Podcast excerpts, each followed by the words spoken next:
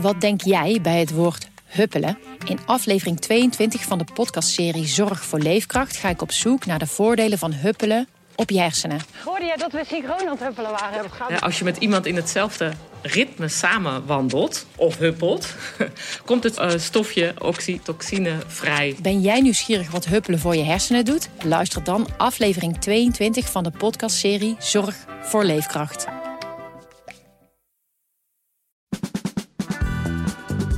Dit is de podcast Politiek Dichtbij. Met Tobias den Hartog en Rick Bolt. Het is een trieste situatie en het wordt alleen nog maar meer absurd. Elton John zong het al: Sorry seems to be the hardest word. Het kabinet hobbelt naar 19 december toe, de dag waarop er iets gaat gebeuren. Wat er gaat gebeuren en hoe we daar zijn gekomen bespreken we met Jan Hoedeman en Hans van Soest. En Tobias Den Hartog zit in Suriname en met hem bellen we over hoe er daar gekeken wordt naar deze excuses. Maar er was nog meer nieuws deze week. Ik vind het niet leuk. Er ligt een gigantische, omvangrijke stelselherziening voor in deze Tweede Kamer. En er dreigt, er dreigt aanstaande donderdag hier uh, in tweede termijn over gesproken te worden. Het gaat er niet om een spelletje van uh, weet mevrouw Van Beukering iets wel of niet. En om te moeten constateren dat grote coalitiepartijen gewoon echt geen idee heeft, ik vind dat niet verantwoord. Daarom het verzoek om het debat van de agenda te halen. Ja, en we hoorden Bart van Kent van de SP, die uh, bezig is uh, met de nieuwe pensioenwet. Ja, als het goed is, was het deze week het laatste debat, toch? Uh, nou ja, in elk geval in de Tweede Kamer. Ja. Um, wat je even, die pensioenwet, daar wordt echt al meer dan tien jaar over gepraat. En wat je, wat je Bart van Kent hier weer hoorde doen, is een, een, een, een, een tactiek die de oppositiepartijen nu al een paar maanden uh, hanteren. Namelijk net doen alsof deze wet er doorheen gejast wordt. Uh, alsof uh, de, het parlement onder enorme druk staat om maar heel haastig om met deze enorme pensioenherzieningen in te stemmen. Nou, dat is niet waar. Er wordt echt al heel lang over gepraat. Er zijn echt is meer dan 100 uur over gedebatteerd. Alleen, ja, ze zijn er niet tegen. En die, die vertragingstactiek, die snap ik op zich wel van, uh, van de oppositiepartijen. Want zij hebben er wel hoop. En ik die hoop die kon wel eens uh, gerechtvaardigd zijn. Dat uh, als het maar lang genoeg duurt voordat deze wet wordt behandeld. We inmiddels nieuwe verkiezingen hebben gehad voor de Eerste Kamer. En dat er geen meerderheid meer te vinden is in de Eerste Kamer voor deze pensioenherziening. Dat zou zomaar kunnen. tegelijkertijd. Um, Um, ik, ik, ik heb altijd wel een klein beetje moeite met uh, de kritiek uh, die ze uh, hebben op de. Ik bedoel, je mag altijd kritiek hebben hè, op pensioenen, op elke wet natuurlijk. Alleen wat ik hier wel heel bijzonder aan vind, zeker bij de SP, dat is een partij die altijd heel erg roept van referenda moeten worden ingevoerd en mensen moeten meer rechtstreeks dingen te zeggen hebben over dingen die hen aangaan. Nou, dit is nou uitgerekend een voorbeeld. Uh, die pensioenherziening, daar is heel lang over gepraat. Uh, uh, dat gaat om uitgesteld loon. Hè. Dat is geen Mhm. geld van de politiek, dat is geld van werknemers en werkgevers samen. Um, toen e eenmaal een paar jaar geleden een akkoord is bereikt over die pensioenherziening, hebben de vakbonden dat aan een achterban voorgelegd in een referendum. En een groot deel, het overgrote deel van de leden heeft gezegd: ja, wij vinden het goed dat het stelsel verandert. En ineens is dan een referendum als het je niet uitkomt, ineens een stuk minder belangrijk. Ik word daar persoonlijk altijd een klein beetje cynisch van. Neemt niet weg dat veel kritiek op het stelsel, begrijp ik wel. En ik begrijp ook wel uh, uh, wat Van Kent in dit fragmentje zegt, dat uh, sommige Kamerleden van coalitiepartijen niet goed op de hoogte blijken te zijn. Ja, dus ze kwamen niet heel sterk over. Ze kwamen niet heel sterk over. Wat, wat, wat er gebeurd is namelijk, en dat, dat mag je coalitiepartijen echt wel kwalijk nemen. Er wordt, ik zei al, er wordt hier al heel lang over gepraat, al jaren. En eigenlijk was het in kannen en kruiken. Hè. Er is een akkoord gesloten met de bonden. Um, uh, er is, uh, het zou alleen nog worden uitgewerkt. Dat is al onder het vorige kabinet gebeurd. En wat is er toen na de verkiezingen gebeurd? Toen hebben die coalitiepartijen gedacht nou ja, dit is toch al in kannen en kruiken. Wij zetten onze pensioenwoordvoerders... Hè, onze, het zijn vaak Kamerleden die, van, uh, die heel goed zijn, uh, uh, die goed zijn met ingewikkelde materie, die zetten wij op andere ingewikkelde dossiers. En um, alle vier de coalitiepartijen hebben eigenlijk onervaren Kamerleden op dit ingewikkelde dossier gezet. En ja, dat was wel echt zichtbaar in de afgelopen debatten. Dat was af en toe wel pijnlijk. Ja. Kun jij nou in twee zinnen samenvatten waarom er een nieuwe pensioenwet nodig is? Of uh, is dat niet mogelijk? Uh, dat is mogelijk. Uh, daar gaan ongetwijfeld allerlei pensioenkenners heel boos worden dat ik het versimplificeer. Maar het komt er eigenlijk op neer dat het huidige stelsel niet meer voldoet. Om twee redenen. Um, als jij bij een pensioenfonds zit, dan, dan heb je samen met al die andere leden van de pensioenfonds één gezamenlijke pot. Uh, uh, waaruit uh, zeg maar ieders pensioen later wordt betaald. Heel simpel te zeggen. En waarom voldoet dat niet meer? Omdat steeds meer mensen hè, niet meer hun hele leven bij dezelfde werkgever en dus bij dezelfde pensioen, um, pensioenfonds zitten. Waardoor mensen moeten overstappen naar pensioenfonds. Hè. Mensen hebben pensioengaten. dat is één reden. En een andere reden is dat doordat we een gemeenschappelijke pot hebben, moeten die pensioenfondsen grote buffers aanhouden voor eventuele tegenvallers. Om in de toekomst aan de wettelijke verplichtingen te kunnen voldoen. Dat ook jongeren die nu nog uh, uh, lid worden uh, van zo'n pensioenfonds nog steeds uitgekeerd kunnen worden. Nou ja, doordat die buffers zo groot moeten zijn, kan er al jaren niet meer geïndexeerd worden. Nou ja, elke gepensioneerde kan erover meepraten. gepensioneerden staan al heel lang stil. Dus het idee is nu, we gaan naar een ander fonds of een ander stelsel waarbij je meer geïndividualiseerde potjes hebt. Uh, waarbij er minder grote buffers hoeven te worden aangehouden. Het voordeel daarvan is dat als het dan goed gaat met een uh, pensioenfonds, je eerder geïndexeerd kan worden. Het nadeel is dan weer dat als het uh, slecht gaat met de economie en dus de beleggingen van pensioenfondsen, dat je weer eerder gekort kan worden. Ehm, dus ja, aan allebei de stelsels zitten nadelen en voordelen. Um, en nou ja, de, de oppositie is er heel, heel streng over. Die zeggen nee, dus casinopensioen. Uh, uh, zo kun je het inderdaad noemen, maar je kunt ook zeggen: het huidige stelsel is net zo goed een vorm van een casino-pensioen. Want je hebt je hele leven betaald en je moet ook nog maar zien wat je ervoor terugkrijgt. Het was alleen in twee zinnen. En er is al eerder over gepraat in de podcast, maar er is weer genoeg gebeurd om het toch weer eens te hebben over de uh, slavernij-excuses. Uh, we bellen straks even met Tobias, die uh, in Suriname is om verslag te doen van het bezoek van Kaag en volgens mij ook van Weerwind, maar dat gaan we zo even vragen. Um, Jan, jij vroeg Rutte uh, vorige week vrijdag tijdens de persconferentie naar zijn gevoel bij die excuses. Hij antwoordde daar het volgende op. Zou het zo zijn dat wat de heer De Winter suggereerde, dat wij het kabinet besluit hebben genomen over hoe om te gaan, ook met de uitkomst van de dialooggroep? Dan mag u ervan uitgaan uh, dat als in, de in zijn vraagstelling besloten suggestie zou kloppen, dat onderdeel daarvan natuurlijk ook is uh, het ingaan op dit type vragen. Ook dat leent zich niet nu voor een vrijdagse persconferentie een paar uur voor het voetballen begint. Dat vraagt ook echt een, het zorgvuldig kiezen van woorden. Dus dat ja. wil ik hier niet doen. Maar ik snap uw vraag en ik zal hem ook te zijner tijd beantwoorden, mocht het aan de orde komen. Kijk, meestal kan ik Rutte nog wel volgen, maar hier... Uh... Ja, dat zijn uh, vier uh, U-bochten achter elkaar en terug. En dan sta je weer op dezelfde plek, toch? Na vier U-bochten? Of... Ja. ja, dat klopt. Dat klopt. Hij is sowieso heel ongelukkig begonnen met het excuses-dossier. Hij heeft juli 2020 gezegd... het risico van excuses over de slavernij is dat je het er daarna nooit meer over hebt. Tja, zijn tweede uitspraak daarover was uh, in 2021. Toen zei hij: Ik vind het nogal wat dat je je voorgangers dan eigenlijk verwijt uh, dat die dan fout zaten. Maar daar gaat het niet om. Jij vertegenwoordigt de staat. En de staat kan met terugwerkende kracht best zeggen: wat wij een paar eeuwen geleden hebben geflikt. misdaden tegen de menselijkheid, dat deugt niet. Ja. Daarmee zeik je je voorgangers niet af. Dat is gewoon voortschrijdend inzicht, lijkt me. Uh, en eerder dit jaar zei hij, ik voel uh, emotioneel helemaal niets bij het aanbieden van excuses. En deze man gaat het maandag doen. Ja, heb je het idee dat hij ondertussen al wel iets voelt bij die excuses? Of, uh... Ja, zeker wel. En bij heel veel van wat Rutte doet, wat hij eerst verre van zich werpt, dat omarmt hij uiteindelijk als een boemerang die hij zelf heeft uitgevonden. Uh, dat is heel knap. Het, uh, hij zal een uh, doorvoeld verhaal hebben en met persoonlijke voorbeelden, want zo doet hij dat altijd. En hij heeft ervaring hè, met excuses. We, weten we eigenlijk wat de, de reden is waarom hij er anders over is gaan denken, Jan? Omdat hij in gesprek is met mensen en ehm, op een gegeven moment raakt het er snaar. Hè? Hij is natuurlijk niet doof en blind. Het is geen machine. En hij, hij, heeft het gewoon altijd van zich afgeduwd. Hij heeft er nooit iets mee gehad. Hij vond het maar een beetje moi. Maar ja, hij is ook historicus en ook niet uh, zonder gevoel. Dus ja, op een gegeven moment uh, is hij uh, de goede kant op gegaan. vanuit het perspectief van de nazaten gezien.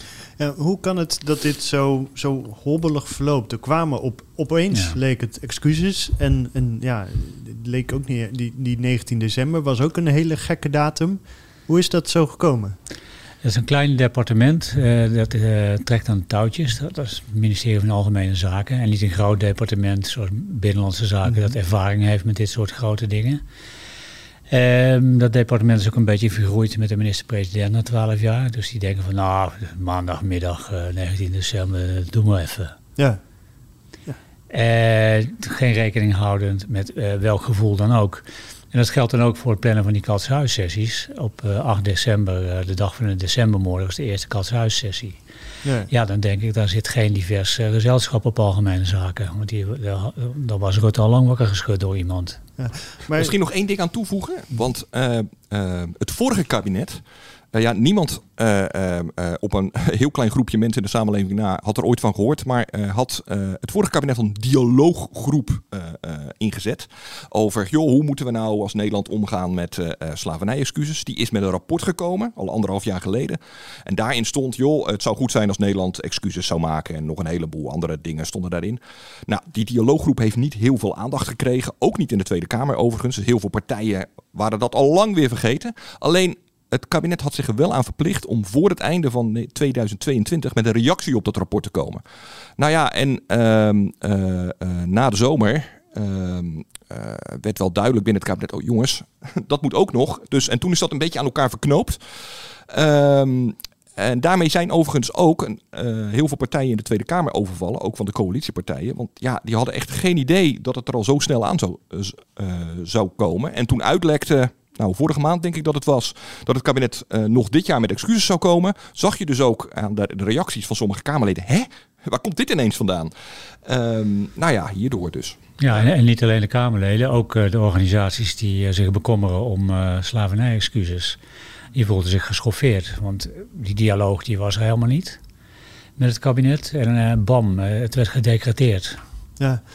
Ehm, hoe kan het, want eh, er zijn ook excuses aangeboden voor de politionele acties in Indonesië. Hoe kan het dan dat dit zo anders loopt? Want daar was helemaal nagedacht over welke dag doen we het, de, de koning gaat. Waar, Ja, maar dat was ook nog eh, best tamelijk onverwacht. Eh, Ru- Rutte heeft gezegd, ja, de koning die houden we hier buiten. Die, die kan geen excuses maken, het kabinet moet dat doen. Omdat het omstreden zou zijn. Maar ja, wat Nederland heeft misdaan in eh, Indonesië, dat is minstens zo erg. En daar kon het wel. Ja. Geen idee waarom eh, dit zo loopt. Nou ja, misschien omdat eh, ehm, eh, excuses over het slavernijverleden door eh, eh, diverse actiegroepen al eh, een aantal jaren zijn verknoopt met herstelbetalingen. En dat is wel een verschil met, de Indonesië, met Indonesië. Die excuses die liggen niet eens zo gevoelig. Er zijn maar heel weinig mensen in de Tweede Kamer die daar echt op tegen zijn. Ook rechtse partijen hebben daar echt totaal geen moeite mee. Waar de gevoeligheid om zit, is die herstelbetalingen, die, verknoping daarmee. En dat, dat maakt dit dossier wel echt anders dan Indonesië. Zeker, maar zie je het van herstelbetalingen komen? Nee, eh, niet in de zin van eh, dat er, eh, zoals sommige actiegroepen hebben gezegd, binnenlandse schulden van Suriname en de Antillen moeten worden kwijtgescholden. Dat gaat echt niet gebeuren. Los van het feit dat dat in het verleden al deels is gebeurd. Ehm, eh, maar wat er mogelijk wel gaat gebeuren, is dat er een, een, een, een fonds komt eh, van, van 200 miljoen euro. Hè? Althans, dat is een van de plannen die op tafel lag. We weten nog steeds niet zeker of dat er nou echt komt. Maar zelfs dat lag al gevoelig. Want de VVD reageerde toen dat uitlekte, zei meteen 200 miljoen euro. Dat is wel echt heel veel geld. Wat gaan we daarmee doen dan? Dat vonden ze waanzinnig. Ja. Ja, want wat, vindt wat vindt de VVD van deze excuses? Eh, Het moet geen geld kosten. En als mensen eh, excuses eh, moeten krijgen, nou vooruit, ze gaan er niet voor liggen. Maar het moet vooral geen geld kosten. Tegelijkertijd, en dat is eh, eh, ehm, eh, niet omdat ik het hier nou voor de VVD wil opnemen, maar ik probeer even uit te leggen waarom het gevoelig ligt. Het is natuurlijk ook niet zo dat er al de afgelopen decennia niets aan bewustwording gebeurt. Hè? Eh, ehm, eh, er wordt bijvoorbeeld door eh, heel veel mensen geroepen, ah, er moet meer aandacht komen in het onderwijs voor het slavernijverleden. Nou ja, ik weet niet hoe, wanneer die mensen voor het laatst op een middelbare school zijn geweest, maar in de geschiedenisboeken, eh, in de lessen gaat het al jaren heel veel over het slavernijverleden. Eh, in musea zijn er veel tentoonstellingen over. in het publieke debat gaat het er veel over. Dus je kunt niet zeggen dat als het gaat om bewustwording, dat, dat we van, vanaf van scratch moeten beginnen of zo. Ehm, dus dan snap ik wel dat als het kabinet zegt, goh, we gaan 200 miljoen euro, dat is ook geen kattenpis hè, uh, eh, 200 miljoen euro uittrekken voor bewustwording, dat je dan als Kamer nadenkt van, jongens, ehm, we krijgen hier ook te horen dat we zuinig moeten zijn met het geld. Hè? Ehm, wat, Waar, waar, is dat geld dan voor nodig en waar wordt het voor besteed? Ja, ik, ik vind het niet heel raar dat, dat een Tweede Kamer daar kritisch naar kijkt. Oké, nou ja, we, we, gaan nog zien of het 200 miljoen wordt. Maar als de keuze is uh, miljarden herstelbetaling of 200 miljoen bewustwording, dan is de keuze snel gemaakt. en waarom, waarom wordt die koning er zo angstvallig buiten gehouden? En dat vind ik uh, uh, ook een beetje raadselachtig eerlijk gezegd, omdat hij, kan best, eh, hij schopt echt niemand tegen de schenen als hij, eh, als hij excuses aanbiedt. Dat heeft hij ook eh, gedaan toen met Indonesië. op zijn manier ook met de Holocaust.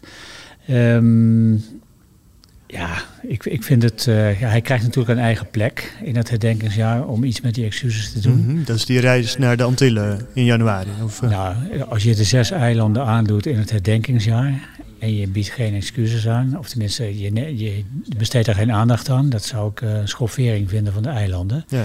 Dus ik, ik, ga ervan uit dat hij daar echt een rol speelt. Ja. Bovendien is hij er eigenwijs genoeg voor, toch Jan, om dat uh, gewoon te doen? Hij kan het wel, maar tenminste... Uiteindelijk heeft hij in Indonesië toch ook zonder al te veel overleg met het, uh, het kabinet die excuses aangeboden? met Rutte. Rutte heeft niet met het kabinet overlegd. Dat ligt niet aan de koning. Oh ja. Wat kan Rutte maandag nou nog doen om dit nou ja, nog een beetje goed te breien? Ja, hij zal ter plekke dus echt die excuses aanbieden. En hij zal een pad uitrollen eh, met heel veel momenten waarin eh, wat veel organisaties liever aan de voorkant hadden gezien van het herdenkingsjaar, eh, gewoon in het herdenkingsjaar uitrollen. Dat verwacht ik. En een goed persoonlijk verhaal.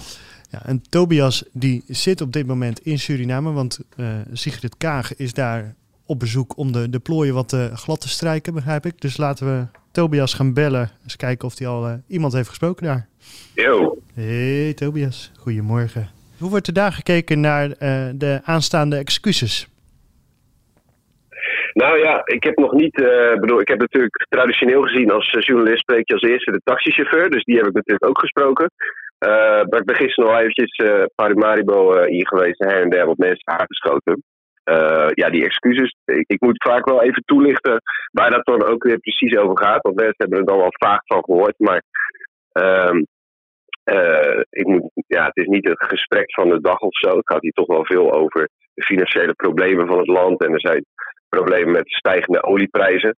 Ehm, dus dat, dat ligt wat meer na aan het hart. Maar uh, ik, ik, ja, als ik het een klein beetje zou moeten ontleden, is wel mijn indruk dat die hele felle Surinaamse organisaties in Nederland, dat die er wat meer gestaald in zitten dan, dan de mensen hier.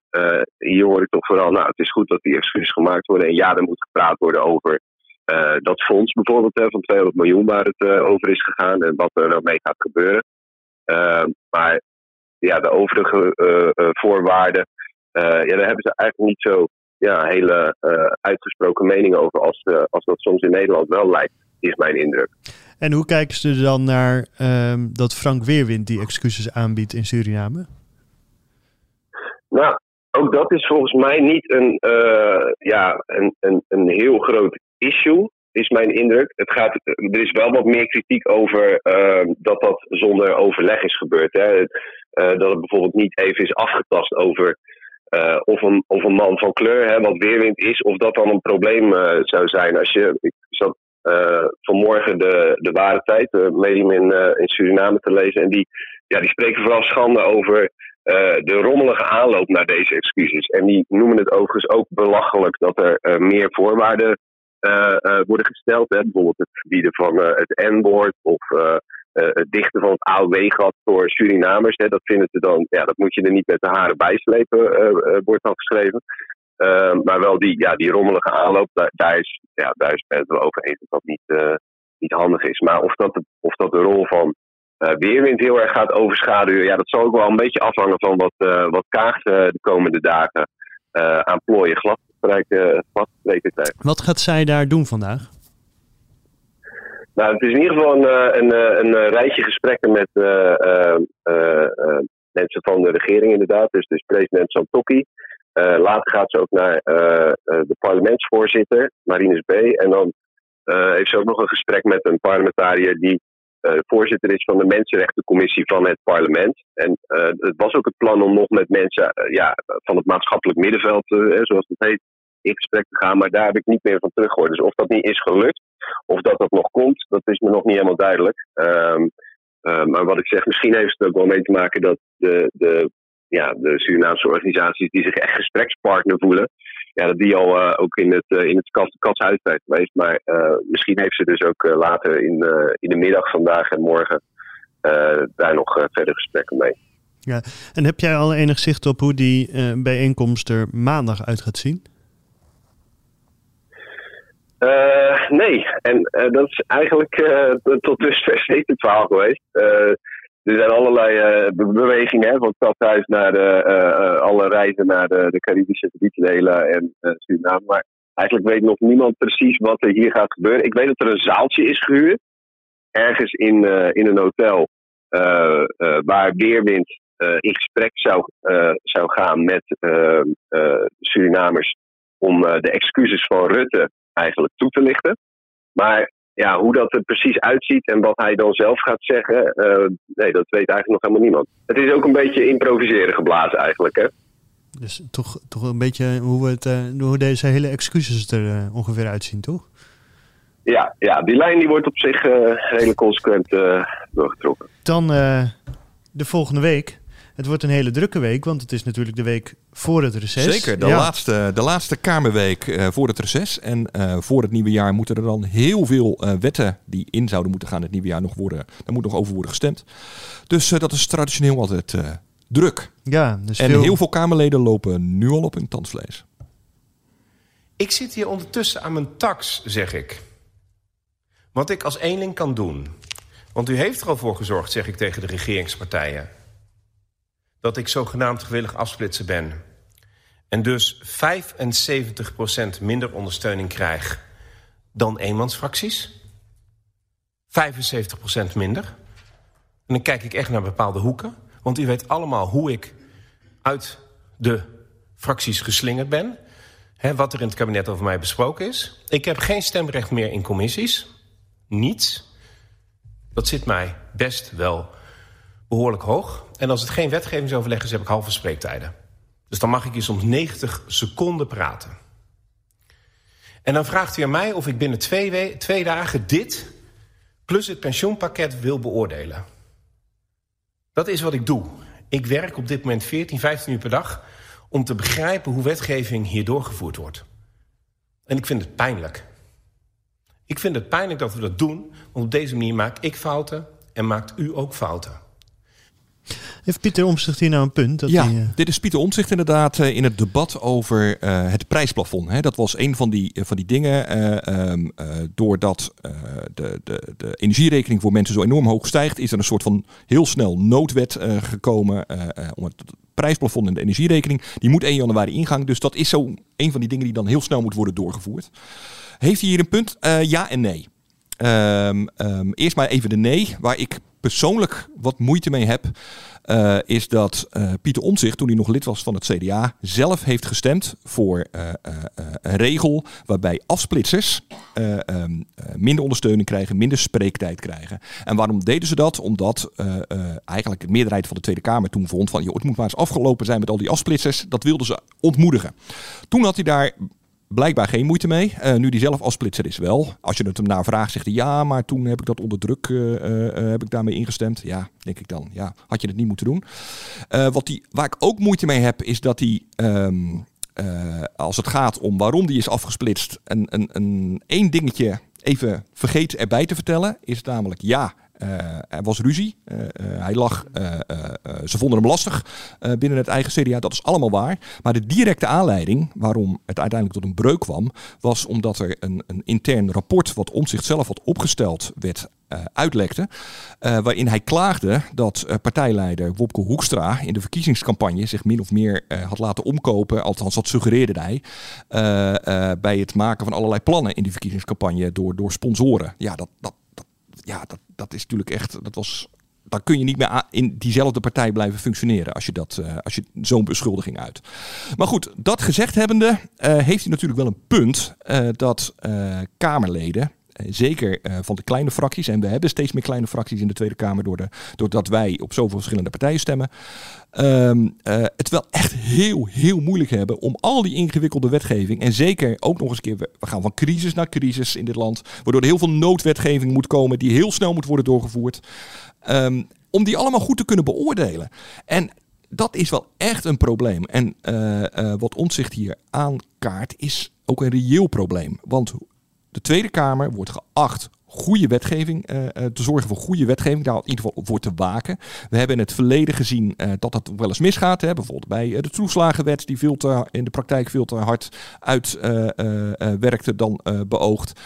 Dus ja, er moet iets aan gebeuren. Toevallig afgelopen week was daar een voorstel voor. Uh, van oud-minister Jo Ritsen. Wie kent hem nog niet? Hè? Uh, minister van Onderwijs uh, in het eerste Paarse kabinet. Heel lang geleden. die met een petitie is gestart om met een kiesdrempel te komen. Zodat het moeilijker wordt voor nieuw, nieuwe partij. Althans, dat er minder kleine partijen in de Tweede Kamer komen. Nou ja, dat, dat, dat gaat er niet komen. Daar is echt geen meerderheid voor. Maar er gaan wel steeds meer stemmen op in de Tweede Kamer. Jongens, we moeten wel iets anders. Meer ondersteuning voor Kamerleden. Uh, misschien, en dat zijn inmiddels ook meer partijen die daarvoor pleiten, meer Kamerleden. Hè, een grotere Tweede Kamer. Zodat ook de kleinere partijen meer collega's hebben om het werk te verdelen. Dus uh, nou ja, dit is een van die dingen waar we in 2023 nog uh, veel over kunnen. Tot zover deze aflevering. Vond je dit nou een leuke podcast? Abonneer je dan via Spotify of Apple Podcast. Volgende week, dan zijn we er weer. Tot dan. Wat denk jij bij het woord huppelen? In aflevering 22 van de podcastserie Zorg voor Leefkracht ga ik op zoek naar de voordelen van huppelen op je hersenen. Hoorde jij dat we synchroon aan het huppelen waren? Ja, als je met iemand in hetzelfde ritme samen wandelt of huppelt, komt het uh, stofje oxytocine vrij. Ben jij nieuwsgierig wat huppelen voor je hersenen doet? Luister dan aflevering 22 van de podcastserie Zorg voor Leefkracht.